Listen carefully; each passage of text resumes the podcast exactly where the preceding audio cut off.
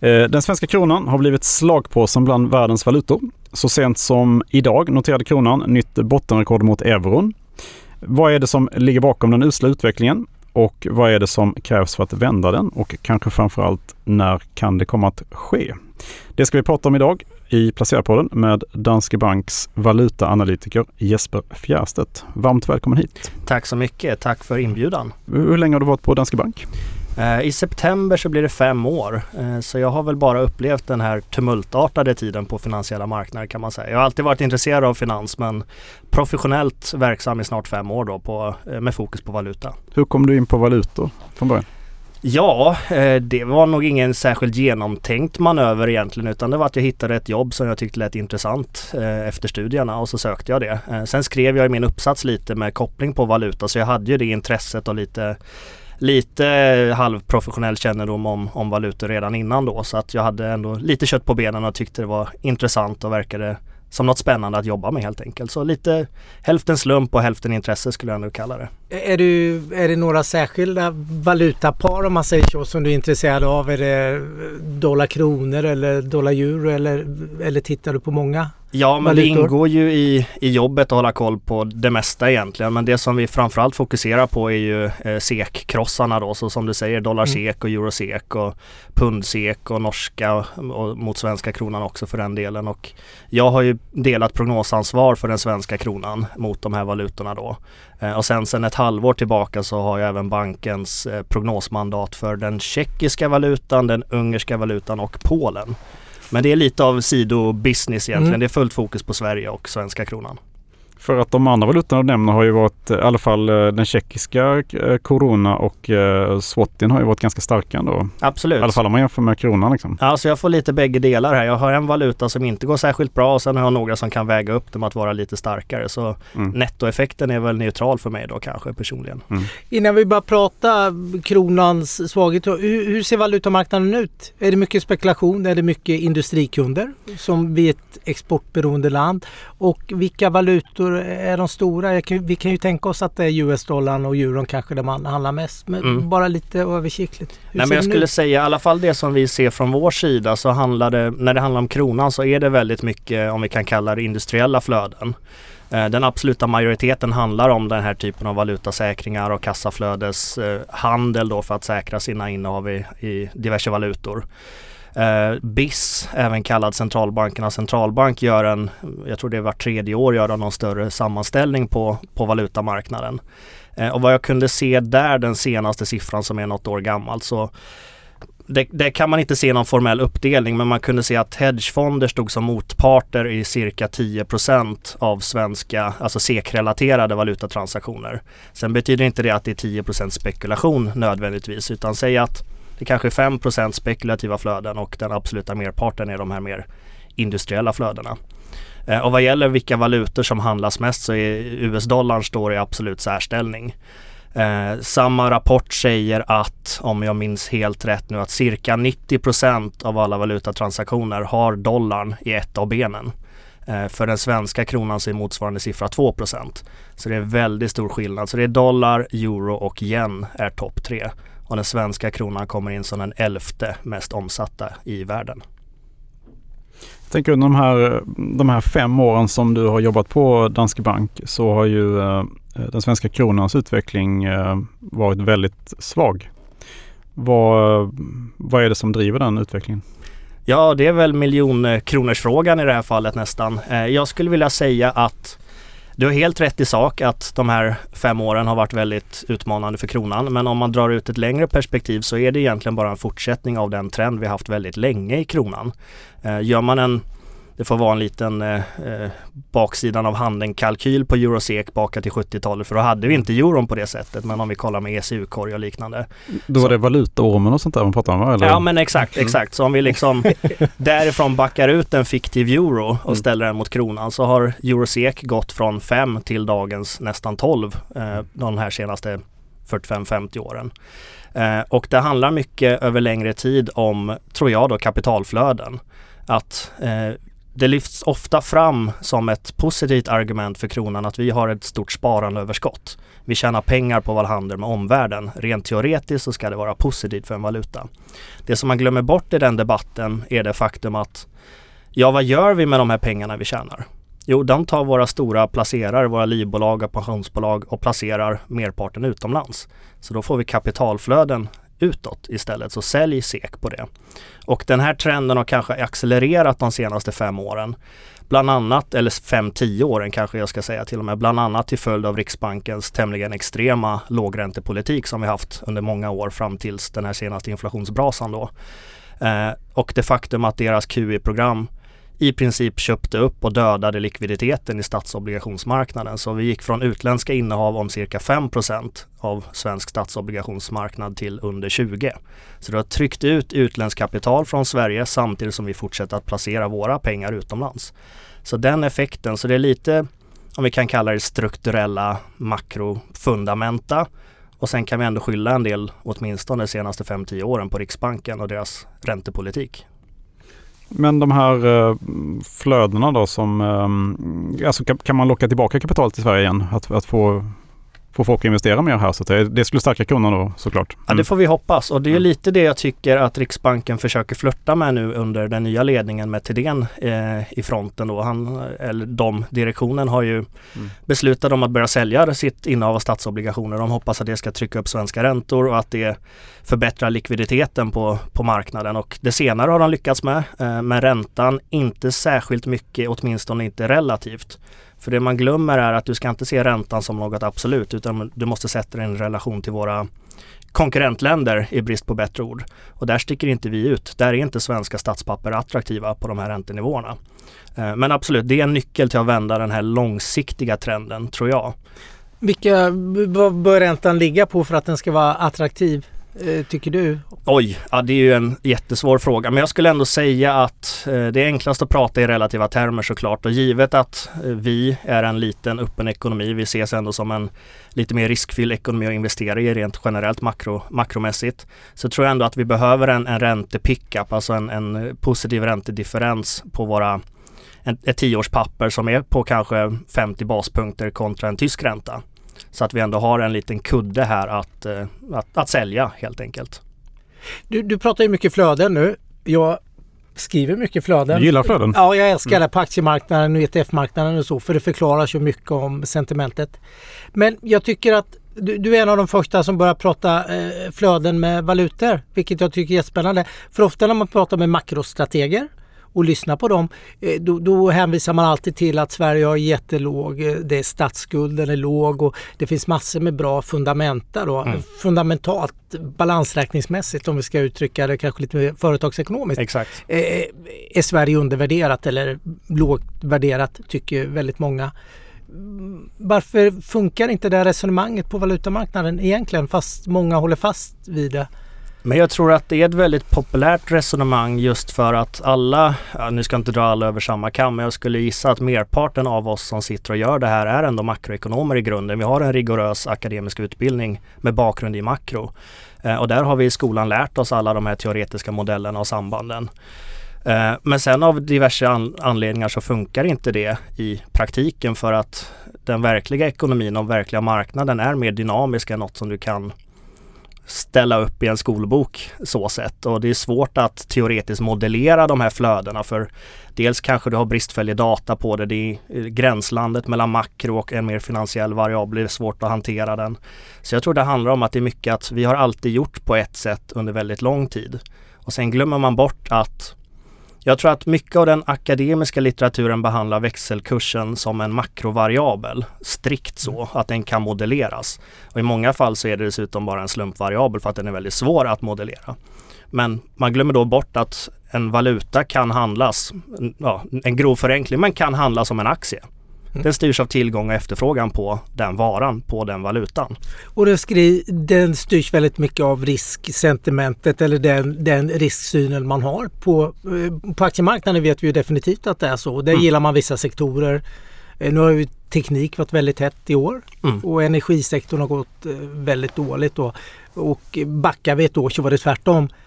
Men vad jag slumpas, för nu verkar det ju vara jättesurt. Jag läste någon rapport från den holländska banken ING. Eh, där var ju kronan mest undervärderad mot dollarn, hade de. Den var 30 procent sa de. Oj, så pass. Ja. Eh, och eh, de sa samtidigt att eh, pratar man med valutadeskarna runt om i världen, de stora, så alla de, då är det Topic som ett säljcase och så vidare. Mm. Hur får man det där sentimentet att vända? Ja, och det är en väldigt bra fråga och det är lite det jag själv försöker lista ut här. För som du säger, just nu så är sentimentet framförallt från de större globala spelarna är det är en envägstrafik i kronan, den ska säljas. Eh, och jag tror att det har det varit det senaste mm, halvåret, nästan året i alla fall. Så det är nog mycket drivet av det här lite mer spekulativa inslaget. Jag tror en vändning är svår att orkestrera på egen hand från Riksbanken. De försöker ju ändå prata lite med kronan. Jag kan bara nämna som exempel de valutanördar vi är, vi som håller på med det här. Så vi på Danske har faktiskt roat oss med att räkna antalet gånger som kronan explicit nämns i de penningpolitiska protokollen. Eh, och under Ingves sista år vid rodret, alltså 2022, under de fem mötena så nämndes kronan explicit nio gånger, alltså 1,8 gånger per möte inträde till DN och under februarimötet så nämndes kronan 46 gånger om jag inte minns fel. Och sen 28 gånger här i, i april då och sen får vi vänta till nästa vecka och veta hur det var på junimötet då. Så de försöker steppa upp det hela. De försöker adressera kronan men jag tror inte det räcker att Riksbanken orkestrerar den här vändningen utan jag tror att det behövs till ett bredare sentimentsskifte. Jag tror att den här globala höjningscykeln så länge som den fortgår och så länge som man då på något sätt i bakhuvudet har en potentiell recessionstrade på gång för något sådant är negativt kronan också. Eh, så en potentiell trigger är when it's all said and done, när vi alla kan enas om att räntehöjningscykeln är avklarad. Nu börjar det sänkas. Det handlar inte om att Riksbanken ska sänka först. Det är inte bra för kronan tror jag. Utan det handlar om att nu vänder vi. Nu kommer vi in i en ny marknadsfas. När det sker, det är den svåra, stora frågan såklart. Men jag tror att det skulle kunna vara en potentiell vändpunkt. Vad har ni för rekommendation om jag ringer in som investerare? Kanske som en halvaggressiv hedgefondsinvesterare. Eh, vad skulle ni ge mig för råd med kronan? Är det köpa, sälja, ligga kort? Eller ja, vad? kortsiktigt så indikerar våra prognoser att vi, vi, tycker att kronan är översåld just nu. Så Eurosek ska handla närmare 11,50 tycker vi baserat på den fundamenta som vi kikar på. Eh, och då skulle det vara ett ganska bra köpläge just nu för en kortsiktig, kalla det swing trade eller liknande då. Men med det sagt så handlar inte marknaden enbart på fundamenta just nu utan nu handlar det på det spekulativa. Eh, och det som oroar mig är att den senaste månaden, för vi på Danska har varit negativa kronan de senaste två åren och fått tämligen rätt i den sak, får man väl tillägga då. Och vi har alltid fått väldigt mycket pushback från våra, i synnerhet våra sofistikerade kunder där att nej, nej, nej, kronan ska gå starkare. Den senaste månaden har den pushbacken försvunnit. Så det känns som en viss kapitulation även bland svenska placerare och det pratas om att ja, Eurosex ska upp och nosa på 12. Vi ska se 12 Då är man nöjd. Då kan man skala av sin säljposition i kronan och så kan man ta nya tag därefter. Så kortsiktigt så lutar jag nog ändå mot att bara på basis av momentum så ska vi nog se en ytterligare lite svagare krona här under sommarmånaderna. 11,90 just nu när vi pratar. Ja, och när vi klarar kanske 11,95 om det fortsätter som det har gjort idag. Ja, precis. Men kan 12 bli något köpläge då för att börja köpa kronor igen? För jag tänker, det brukar vara som mörkast när det vänder. Ja. Och om, inte, om folk har slutat prata om nu och då att kronan är så undervärderad och att man har kapitulerat lite som du säger. Skulle inte det kunna vara någon form av tecken. Ja men absolut och det, det är ofta så när alla, när, när, en trade blir crowded, när alla går för samma håll, det är kanske då man ska svänga om egentligen. Eh, så det är ett argument för att 12 borde vara något typ av tak för Eurosek. Eh, å andra sidan så ser i alla fall inte vi någon jättevändning i kronan utan på basis av den fundamenta som, som vi grundar våra analyser på vad vi ser kommer ske under kommande 12 månader, vilket är vår prognoshorisont, så har vi ändå prognoser som indikerar att Eurosex ska ligga kring 11,50 däromkring. Så det är inte en in, ingen markant nedsida i Eurosek, ingen markant potential för kronan, men, men likväl att det är lite toppish vid 12 för Eurosek, det, det tycker jag. Mm. Det finns ingen sån här, eh, alltså jag tänker man, man pratar ju om valutainterventioner eh, om kronan skulle, alltså man, det har ju ändå fört fram lite grann Finns det någon sån, eh, någon sån kurs, alltså om kronan verkligen skulle kollapsa härifrån liksom? Där, där Riksbanken skulle liksom ingripa eller är det helt otänkbart? Ja, eh, det är väl, eh, det har pratats en hel del om det på sistone och man det, det, har lyfts röster för att det som Riksbanken presenterade här, veck här om veckan skulle kunna vara någon typ av förtäckt intervention. Eh, det vill säga att de ska börja överväga att säkra valutasäkra delar av, eh, av sin valutareserv och det skulle då i praktiken innebära att de måste köpa kronor för att säkra motvärdet utländsk valuta. Då. Eh, de har inte beslutat om att de facto göra så utan de ska utreda huruvida det är rimligt att göra. Eh, och det har en del lyft att det skulle kunna vara någon typ av förtäckt intervention. Eh, när Tidén fick frågor på det här på presskonferensen så var han otroligt tydlig med att det här är absolut ingen intervention. Det har ingen penningpolitisk eh, basis alls. Eh, och enligt mig och skolboken så den första regeln i en intervention är att vara öppen med att det är en intervention för då får du det här signalvärdet att vi gör det här, vi backar kronan på riktigt. Så jag tror inte att det är aktuellt just nu och Thedéen nämnde ju på presskonferensen att han, han ogillar generellt interventioner. Så jag tror inte att det är någonting som kommer vara på tapeten från Riksbanken. Jag tror inte att vi har de musklerna. Vi har en valutareserv motsvarande 400 miljarder kronor. Det är ganska mycket. Men det är ingenting om man jämför med omsättningen. En genomsnittlig dagsomsättning i kronan enligt den här BIS-rapporten är 168 miljarder dollar per dag. Mm. Så det bleknar i jämförelse med de faktiska flödena på marknaden. Så jag tror inte interventioner är en bra väg att gå. Så jag hoppas inte att det blir aktuellt. Mm. Och det får, brukar ofta få väldigt kortsiktig effekt om man ser historiskt där det har gjorts så att säga. Ja men absolut och det är inget, inget framgångsrecept i långa loppet och det bygger mycket på att centralbanken redan har en väldigt god trovärdighet vad gäller valutafrågor och mm. tyvärr kan vi nog inte tillskriva Riksbanken den, den trovärdigheten så som marknaden väljer att hantera deras kronprognoser och liknande just nu i alla fall. Mm. Men har inte den varit dålig under en extremt lång period, trovärdigheten för Eh, valutatrovärdigheten på något sätt. Ja, och, och om man dessutom lägger till det faktumet att det är egentligen det senaste året som Riksbanken har börjat prata om en svag krona som ett problem. Eh, vi behöver inte gå många år tillbaka i tiden innan Riksbanken faktiskt verbalt hotade med att intervenera när kronan var inom citationstecken för stark. Och det handlar om, eh, vi har tiondelarnas tyranni och Per Jansson står och säger game over nu för kronan är alldeles för stark. Det var precis tio år sedan var det, för jag kommer ihåg att jag var i Italien då. Då var kronan på 8,20 mot euron. Ja, mm. det är en helt annan värld jäm jämfört med idag. Ja, Men det är det arvet vi har centralbanksmässigt vad det gäller kronan, att vi har, eller vi, Riksbanken har i många, många år varit så fokuserade på att kronan inte får bli för stark och hotat dem att intervenera. Det var ett interventionshot från Riksbanken. Nu har vi tappat 10% mot euron på ett år och Thedéen säger att vi vill absolut inte intervenera. Så det finns en asymmetri i hur de ser kronan och det ger, ger ju inte dem någon större trovärdighet i deras nyfunna fokus om att hoppas på en starkare krona. Men om vi backar till som Karl säger, det var tio år sedan var kronan rekordstark. Eller hur man nu ska se det. Den var rätt så stark i alla fall. Den, den var relativt stark. Mm. Eh, då klassades kronan också lite som en safe haven. Ja. Tillsammans med norska kronan om ja. jag inte missminner mig. Eh, båda valutorna är ju ingen så kallad safe haven idag. För den norska kronan har vi tagit i princip lika mycket stryk som den svenska kronan. Absolut, de har handlat lite i tandem. Ja, Fast det är så olika ekonomiska förutsättningar. De har mm. mycket råvarutillgångar på, på energisidan då. Som... De brukar faktiskt klumpas ihop av valutakollektivet. Lite slarvigt så pratar man om Scandis eller skandinaviska valutor. Så jag tror väldigt många i synnerhet amerikanska placerare som kanske inte är 100% uppsjungna på exakta detaljer inom respektive ekonomi. De gillar att Ser de ett säljcase för, för den ena kronan så kan de sälja den andra kronan av bara köpet där. Av, av misstag höll jag på att säga. Ja, nästan så.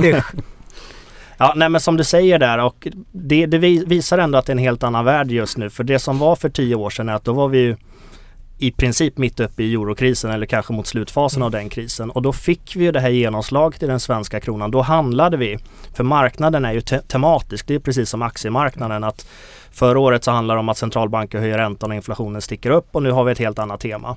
Där och då så var ju temat att eh, vi har en eurokris. Vi tror att eurosamarbetet kan spricka i princip. Vad vill vi köpa för valutor då? Jo, förslagsvis någon som inte är knuten till euron. Och då hade vi den svenska kronan med supersunda statsfinanser. De här argumenten som Riksbanken försöker med nu. Det är absolut sunda argument. Det funkade för tio år sedan. Men de har ingen relevans idag. För det är inte så situationen är. Så för att gå tillbaka till en tidigare fråga, vad kan stärka kronan? Ja, det kanske inte är något att hoppas på men en eurokris alla den vi fick för tio år sedan, allt annat lika, är kanske positiv för kronan. Kan, kan det komma en sån igen? Ur ditt, uh, ur ditt perspektiv, vad är, vad är det som skulle kunna utlösa en sån kris igen? Oj, ja, man kan väl aldrig utesluta någonting eh, så sett men det är väl, eh, statsfinanserna har väl städats något sedan dess förstås men de är ju inte på samma robusta nivåer som det är i Sverige. Eh, och det är klart att räntehöjningarna slår ju ganska brett såväl eh, såväl mot statsfinanser som eh, de privata finanserna då. Så det går inte att utesluta men det är ingenting som vi har under uppsegling i, i vår prognoshorisont så sett då. Men ja, bara ett tillägg till det jag nämnde precis att det potentiellt är kronpositivt. En viktig faktor som skiljer sig nu från då är att där och då så hade vi ett räntegap i favör för kronan mot euron. Då låg Riksbankens styrränta på någonstans 2% och ECB var närmare noll. Det har vi ju inte idag. Så det är inte säkert att det skulle utlösa samma kroneffekt heller, vill jag bara tillägga. När vi ändå pratar tillbaka i tiden, om vi går ändå längre tillbaka i tiden, då hade vi ju ett, eh, ett euroval. Ja. Eh, vi röstade om, För 20 år sedan då? Ja, 20 år sedan ungefär. Mm. Vi som är gamla nog fick rösta. Och nu idag kommer börja debatten igen på något sätt att komma upp och då vann ju nej-sidan med väldigt liten marginal. Mm. Lite sån här Brexit-marginal nästan. Det är få röster. Vad, nu, Christer Gardell har varit ute. Det är, ganska, det är några profilerade investerare som är ute och talar om att kronan är svag och att den kommer att förbli svag och vi borde eh, fundera på att ha euron och så istället. Mm. Vad, vad, vad har ni för syn där? Ja, jag eh, jobbar ju med att täcka den svenska kronan så jag vill ju inte gå in i euron för då blir jag av med jobbet. Så enkelt är det. Nej men skämt åsido, skämt åsido. Jag tycker ändå fördelarna överväger nackdelarna med att ha en egen valuta. Eh, jag kan se poängerna, jag har läst Gardells artikel, jag håller med honom i vissa saker, bland annat det faktum att den svenska kronan är en liten illikvid valuta. Det innebär att vi tar stryk när det blir lite stormigt ute på de stora haven. Han glömmer dock att nämna det faktum att den kanske svaga kronan hjälpte oss att återhämta oss efter finanskrisen då vi fick en ordentlig boost på exporten. Och det ser vi ändå, det räcker att läsa liksom företagsrapporterna att våra industribolag de klagar inte allt för mycket på ja, på, på bottom line i alla fall när man kollar på, på eh, resultaten av den svaga kronan. För det boostar ju boostar ju den effekten. Sen är det annorlunda nu än för 10, 15, 20 år sedan att vi har kanske en högre importandel av våra exportvaror. Så det är mer mer, eh, eh vad ska man kalla det, mindre liksom direkta kroneffekter på, på det. Eh, men jag tycker ändå att fördelarna överväger nackdelarna och i synnerhet om man då tänker i termer av ett worst case scenario, ett värsta utfall, att vi får en stor Sverigespecifik chock som sänker den svenska ekonomin. Är vi knutna till euron, då är vi i händerna på en centralbank i Frankfurt. Jag tror de skiter fullständigt, ursäkta min franska, i vad som händer i den svenska ekonomin då. Där har vi fördelen med Riksbanken som kan agera på svenska förhållanden. Så jag förstår att debatten blossar upp men jag tycker alltjämt att eh, fördelarna överväger nackdelarna med en oberoende centralbank och den svenska kronan. Så du skulle röstat nej om det blev en ny omröstning här? Ja, det mm. kan jag väl gå ut med och säga att det mm. skulle jag. Mm. Jag tänkte bara ställa en fråga på något. Du pratade lite om att det var väldigt bra. Det har gjort att återhämtningen varit så bra. Eh, vi har pratat om det mycket på redaktionen. Löneökningarna i Sverige blir väldigt låga mm. om man jämför med Tyskland exempelvis. Eh, och vi har en svag krona. Kommer inte det vara supergynnsamt kanske de närmaste åren när vi har gått förbi den här recessionsrädslan vi har nu och ekonomierna kommer att börja ta fart igen. Finns det inte jätteförutsättningar för ganska stark BNP-tillväxt? Absolut gör det det och det är det vi ser hittills under året att eh, svensk ekonomi är lite tudelad. Att den inhemska ekonomin, om vi kan kalla den det, den konsumentdrivna, den går ju verkligen på knäna till följd av de här räntehöjningarna och den höga inflationen. Medan exportsektorn mår väldigt bra och det tror jag definitivt åtminstone delvis kan förklaras av den svaga kronan. Och som jag nämnde där att historiken från tidigare finanskriser och, och andra recessioner är att Sverige har fler gånger än inte kommit ut som en relativ vinnare i återhämtningsfasen. Bland annat tack vare kronan. Så det är väl någonting som ligger några år framåt i tiden för vi är ännu inte inne i den eventuella recessionen som vi tvistar om den kommer eller inte. Som vi väntar på. Som vi väntar på och väntat länge Ja. nu. Men i så fall så tycker jag definitivt att det kan vi dra fördelar av den svaga kronan. Och i ett sådant scenario när vi får de fördelarna så kan det i förlängningen innebära att kronan därifrån stärks också då. Ja, det kan vara ytterligare en faktor, eller hur? Absolut. Eller få det här sentimentet och Ja, för då ser Sverige plötsligt bra ut relativt omvärlden. Att våra, eh, vår tillväxt trumfar den vi ser i Tyskland eller, eller liknande.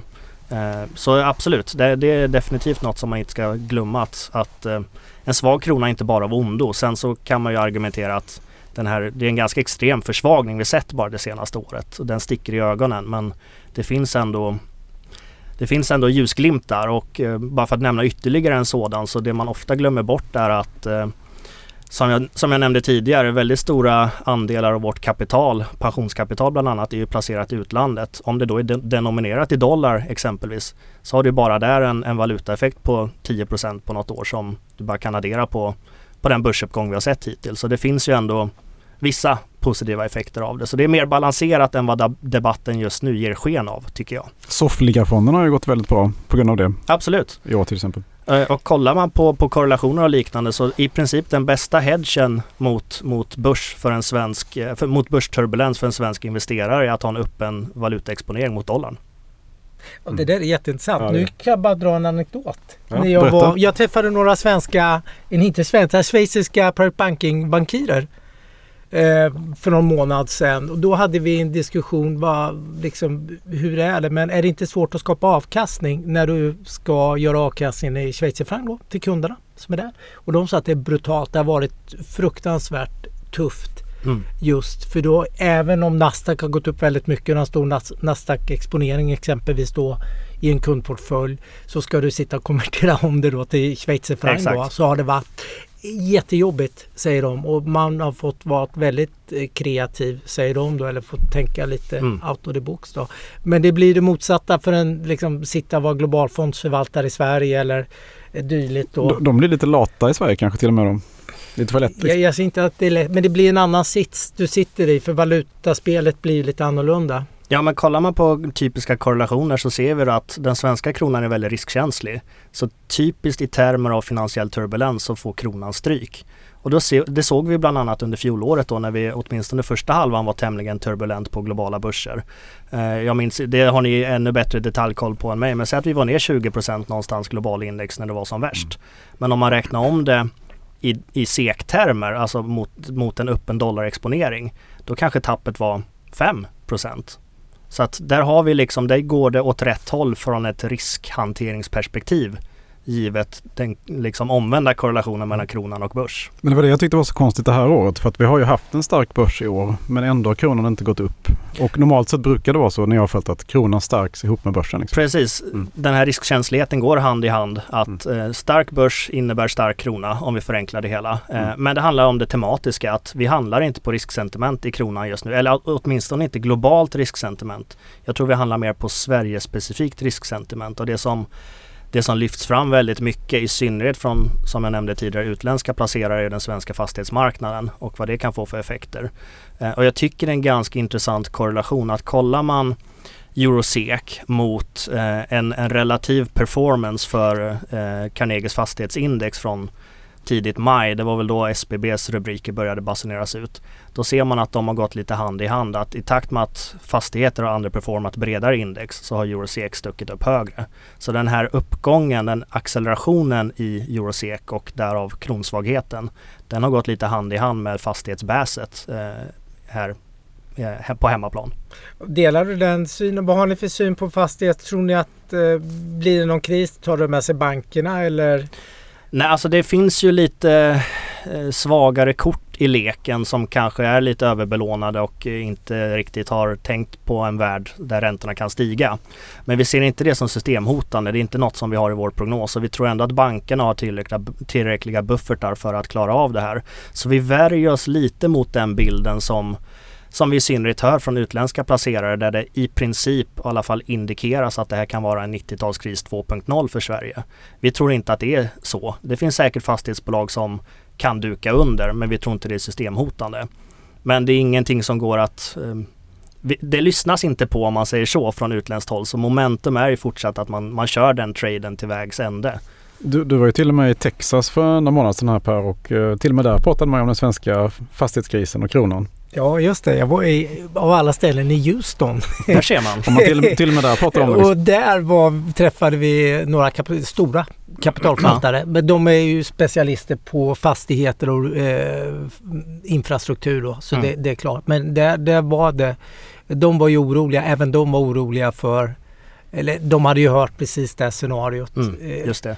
och man, man märker lite med utländska investerare, du var inne lite på det, man buntar ihop Noken och Seken och tror att det är samma fast det är fundamentalt olika i- industriell struktur överhuvudtaget. Då, men man förstår inte det. Men där var man ju jätteorolig för just att det skulle bli systemkritiskt eh, he, he, hela fastighetssektorn då. Så man köpte ju inga svenska fastighetsbolag och det, det, det kan jag ju köpa då. Men det var väldigt eh, negativ syn. Ja.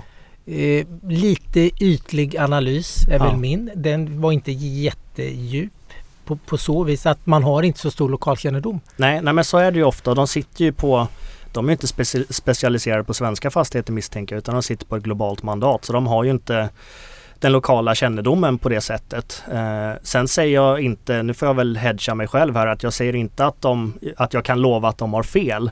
Men som sagt, vi ser inte de riktigt samma varningstecken. Vi tycker att det blir lite uppblåst från det vi, det vi hör från de utländska placerarna. Och mycket handlar om att man ser det här som någonting som kommer begränsa Riksbanken. Så det prissätts ju ganska aggressiva sänkningar från Riksbanken här framöver. Kanske på basis av att de kan inte höja för mycket för då smäller det. Och det är också någonting som ligger kronan i fatet då såklart. Så det hand- men det är väldigt intressant att höra för, för det hör vi också från, från utländska placerare då att vi vill hålla oss borta från Sverige just nu. Om man vill enkelt uttryckt blanka AB Sverige då säljer man kronan. Du, jag har en, en annan fråga som jag funderat lite över ett tag. Det är ju att eh, den danska kronan är ju knuten till euron. Ja. Den är peggad. Sen har de ett undantag att de inte behöver införa euron. Eh, Men eh, finns det någon risk att eh, det kommer en spekulationsvåg mot den danska kronan där de tvingas eh, släppa den här peggen? Du tänker lite på, Gardell var inne på samma tema i den det var det jag artikeln. tänkte. Ja, Mm. Kan det finnas någon sanning i det eller är det liksom Min, min kollega gick ut till danska kronans försvar. Det är ju passande från Danske Bank då såklart. Och Mm. han sköt ner Gardells argument ganska så skarpt där. Jag, jag delar hans argumentation där. Det man ska ha med sig är att de är ju inne och småintervenerar mest hela tiden för det handlar om att styra växelkursen. Eh, den ska ligga kring 7,46 euron mot danska så en, en euro ska kosta 7,46 danska. De har ett eh, variationsintervall eller vad de kallar det som är på plus minus 2,25 procent. Eh, och sen har de även en uppbackning av ECB så att om de får liksom volatilitet på upp mot 15 procent då kan ECB komma in och backa upp det. Så de har en ganska god uppbackning där och jag ska bara nämna då att återigen man kan inte utesluta någonting men den danska peggen är remarkabelt stabil. Så den ska ligga på 7,46. Det gör den mest hela tiden och när jag kollade precis innan jag kom hit faktiskt så i den 25-åriga historiken som jag spanade på så är variationsbandet, om vi kan kalla så, 7 öre. Så Mm. den har rört sig 7 öre, så plus 3 minus 4 från de där 7,46 lite styvt. Så det finns ingenting som här och nu talar för att det ens är någonting som funderas på skulle jag säga och jag tror det är en ganska dödfödd idé faktiskt för den är otroligt stabil och har väldigt mycket finansiella muskler bakom sig som uppbackning. Så jag ger inte så mycket för det caset eh, måste jag säga. Det kan bli väldigt kostsamt om man, om man försöker ge sig på det där. Kan jag tänka mig och misslyckas. Ja, absolut. Mm. Och som sagt, det är inte bara den danska centralbanken du ger dig i kast med utan ska du knäcka den totalt så måste du knäcka ECB. Och det vet jag inte hur många som har muskler att, att försöka sig på. Mm. Hur ser du på de här andra östeuropeiska valutorna som du följer? Ja, eh, det är ju väldigt annorlunda mot att eh, analysera den svenska kronan för de är ju lite mer, man kan väl nästan klassa dem som EM-valutor, alltså lite mer tillväxtekonomier så. Eh, av dem så är min favorit den tjeckiska. Jag tror att det är den som kommer klara sig bäst framöver. Coronan. Coronan, exakt. Mm. Och det är för att den nästan låter som kronan helt enkelt. Så man Mm. ja, gill- ogillar en krona och gillar en korona. Mm. Nej, skämt åsido. Det handlar om att det är den centralbank som agerar mest proaktivt vad gäller växelkursen. Och de har faktiskt varit inne. De har inte en fast växelkurs men de har ett lite mer flexibelt mandat och har varit inne och intervenerat i valutamarknaden i fjol som, som stärkte då växelkursen. Och de har en helt annan fokus på valutan än vad den polska och ungerska centralbanken har. Nu har den ungerska valutan i synnerhet gått starkt på sistone efter att de ändå införde lite åtgärder för att försöka stark, stärka valutan. De satte en, en ny depositränta på 18 procent som bidrog till inflöden av kapital och stärkte valutan. Men, men härifrån så, så gillar jag den tjeckiska mer än, än såväl slottin som forinten. Finns det någon av de här, eh, någon av de här centralbankerna som Riksbanken kan lära sig av? Ja men det skulle kanske vara den tjeckiska då med, eh, inte nödvändigtvis interveneringarna för det tror jag inte är en bra idé. Där ska man lägga till att den tjeckiska valutareserven är mångdubbelt större än Riksbankens just för att de ska kunna intervenera. Men det handlar om att där har du en trovärdighet vad gäller växelkursen och den har byggts upp under väldigt lång tid. Och där lider ju Riksbanken av den här asymmetrin tror jag från det historiska att vi fram tills i år egentligen snarare har föredragit en svagare krona. Eh, så det, det, är väl kanske därifrån lärdomar om hur man skapar kredibilitet för växelkursen. Men med det sagt, vi har ett inflationsmål. Nu parafraserar jag Thedéen och Ingves före honom. Vi har ett inflationsmål, inte ett växelkursmål. Så det kanske behöver börjas i den änden att man inkorporerar växelkursen mer i den bredare inflationsdiskussionen. Och det börjar kanske gå lite åt det hållet att man poängterar att kronan har en viss roll att spela i inflationen. Men det är nog fortsatt lång väg att gå innan det blir fullt så eh, klart på den fronten. Hur många gånger hade de sagt kronan nu sa du? Var det 40 gånger? 46 gånger på första ja. mötet och 28 på senaste. Så det kanske börjar komma in lite? Det börjar komma lite mm, och jag såg lite tendenser i, i pressmeddelandet också att de ändå lyfter fram att eh, tidigare har de spelat ner kronans roll för inflationen och vi delar ändå den bilden att det inte är kronan primärt som driver inflationen. Eh, men såklart på marginalen så bidrar den till ett ökat inflationstryck och nu såg jag att Riksbanken hade någon faktaruta med där de pekade på, utan att citera exakt vilken forskning, men att nutida forskning pekar på att det kanske är en eh, icke-linjär effekt här. Att när vi har sett de här enorma försvagningarna av valutan under en höginflationsregim så kanske genomslaget mellan växelkurs till inflation är större än normalt.